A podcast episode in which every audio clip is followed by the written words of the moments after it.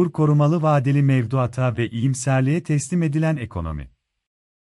Yazan Serap Durusoy İktisat politikası belirli bir ekonomik amaca nasıl ulaşılacağı ve bir ekonominin makroekonomik sorunlarının nasıl çözülebileceği ile ilgilenir. Bu amaçlar ve sorunlar birden fazla olabileceği gibi amaca ulaşmakta kullanılan araçlar da çok sayıda olabilir. Böylesi karmaşık bir ortamı yönetilebilir bir büyüklüğe indirgeyebilmek için de iktisat politikası modelleri kullanılır. Bir iktisat politikası modelinde veriler, araçlar ve amaçlar olmak üzere üç unsur bulunur. Veriler, iktisat politikası amacına hangi araçlarla ulaşılabileceğine karar vermede çok etkilidir. Bu bağlamda verilerin doğru olması oldukça önem taşır. İktisat politikası araçları ise parasal araçlar, mali araçlar, dışsal araçlar, kontrol araçları ve kurumsal yapı değişmelerinden oluşur. Bu bağlamda başarılı bir iktisat politikası için bir politika amacının açık ve kesin bir şekilde belirlenmiş olması.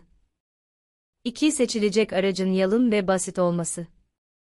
3. Uygulama sorumluluğunun hangi kurum ve kişilerde olduğunun açıkça belirlenmesi. 4. Amaç amaç, araç araç ve amaç araç uyumunun olması. 5. Uygulanma zamanının doğru tespit edilmesi ve belki de en önemlisi. 6. Politikanın iktisat kuramının temel mantığından ayrışan bir özelliğinin olmaması gerekmektedir. Siyasi otoritenin belirleyiciliğinde olan politikaların ve ekonomi modellerinin bu özelliklerin hepsini bir arada içermesi elbette ki güç. Fakat Türkiye'de Eylül ayından beri uygulanmakta olan yeni ekonomi modeli olarak ifade edilen Çin modeli, Güney Kore modeli tartışmalarının Türkiye modeli ve bize özgü model açıklamasıyla son bulduğu denemenin içeriği incelendiğinde, yukarıda sayılan pek çok özelliği taşımadığı görülmektedir.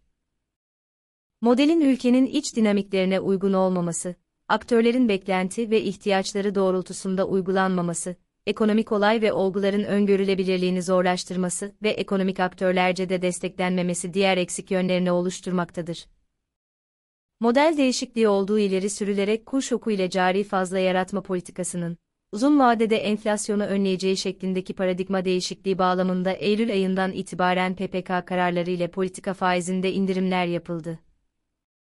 Faiz indiriminin dışında başka politika uygulanabilir miydi? Geçmişte faiz koridoru ve geç likidite penceresi gibi politikalar uygulanmıştı. Ancak uzun bir süredir para politikasının sadeleştirilmesi amacı güdüldüğü için bu politikalardan vazgeçildi.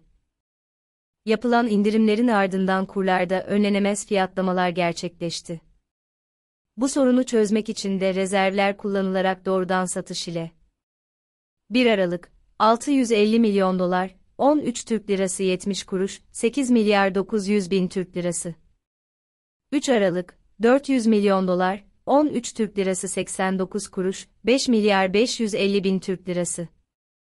10 Aralık, 500 milyon dolar, 13 Türk Lirası 95 kuruş, 6 milyar 975 bin Türk Lirası. 13 Aralık, 2,5 milyar dolar, 14 Türk Lirası 61 kuruş, 36 milyar 525 milyon Türk Lirası. 17 Aralık, 2 milyar dolar, 17 Türk Lirası 34 milyar Türk Lirası olmak üzere. Toplam olarak yaklaşık 6,1 milyar dolar yapılan müdahalelere rağmen kurlardaki yükselişin önlenememesi üzerine yeni enstrümanlar devreye sokuldu. Enflasyona rağmen faiz indirimlerine gidilerek kur oynaklığının uzun süre devam etmesinin ülkeyi para krizine sokmasına çözüm olarak ileri sürülen bu yeni önlemler içerisinde yer alan Türk lirası mevduat hesaplarını kura endeksleme yöntemi geliştirildi. Kur korumalı vadeli mevduat, KKM olarak duyurulan bu enstrümanı, esas da değil ama işleyiş ve nitelik yönünden Türk doları olarak isimlendirmek çok da yanlış olmasa gerek. Kuru yatay seviyede tutmak mümkün olmayacak. KKM ilk 3 ayını bu hafta dolduruyor ve vade dönüşüne gelindi. Bu hafta başlayacak olan KKM ödemesinin ne kadar olacağının BDDK tarafından açıklanması gerekiyor. Ama BBDK faiz ödemelerini açıklamıyor. Çünkü bu süre içerisinde uygulamanın dolarizasyonu engellenmeye çalışırken, daha da kalıcı hale getirerek fiyatların da dolara endekslenmesine yol açacak bir ortamın oluşmasına zemin hazırladığı görüldü. Bu durumda enflasyonun daha da artmasına bağlı olarak kaybeden yine halk oldu. Ayrıca KKM senaryosu bağlamında kişilerin döviz kuru riskini koruma sorumluluğu hazineye korkunç bir yük getirdi. Zira enstrüman uygulamaya girdiğinde dolar, Türk lirası 11.6 iken kur 14.80 in üzerine geldi. Öte yandan geleceği de ipotek altına alan bu uygulamada ekonomide olumsuz şokların olabilme ihtimalinin göz ardı edilmesi nedeniyle, öngörülemeyen Rusya-Ukrayna savaşı hazinenin yükünü daha da artıracak.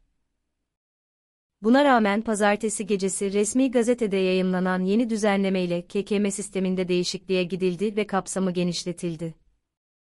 Yapılan değişiklikle yurt içi yerleşik gerçek kişilerin bankalardaki, yurt içi yerleşik tüzel kişilerin ise 31 Aralık 2021 tarihi itibariyle bankalarda mevcut olan altın hesabının, hesap sahibinin talep etmesi halinde dönüşüm fiyatı üzerinden Türk lirasına çevrilmesi.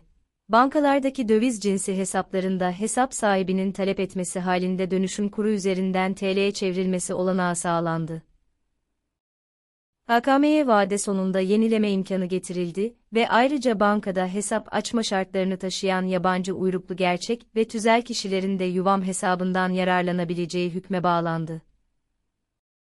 Manset enflasyon %54'lerde iken politika faizinin %14'te bırakıldığı ülkemizde hazinenin KKM yükü dışında %8 faizle 2 milyar dolar borçlanması da ayrı bir handikap. Görüldüğü üzere ekonomide estirilen iyimser havaya rağmen Türkiye ekonomisi zor bir denklemde. Bölgesel risklere ve yüksek enflasyona rağmen faiz artışına gidilmiyor. Çünkü enflasyon ciddiye alınmıyor. Ancak bir an önce para politikasının temel araçlarına dönülmesi gerekiyor. Elbette ki faiz enflasyonu tek başına önlemeye yetmez ancak faiz, döviz kurunu kontrolde önemli bir silah. Çünkü kur yükselince enflasyonla baş etmekte güçleşiyor.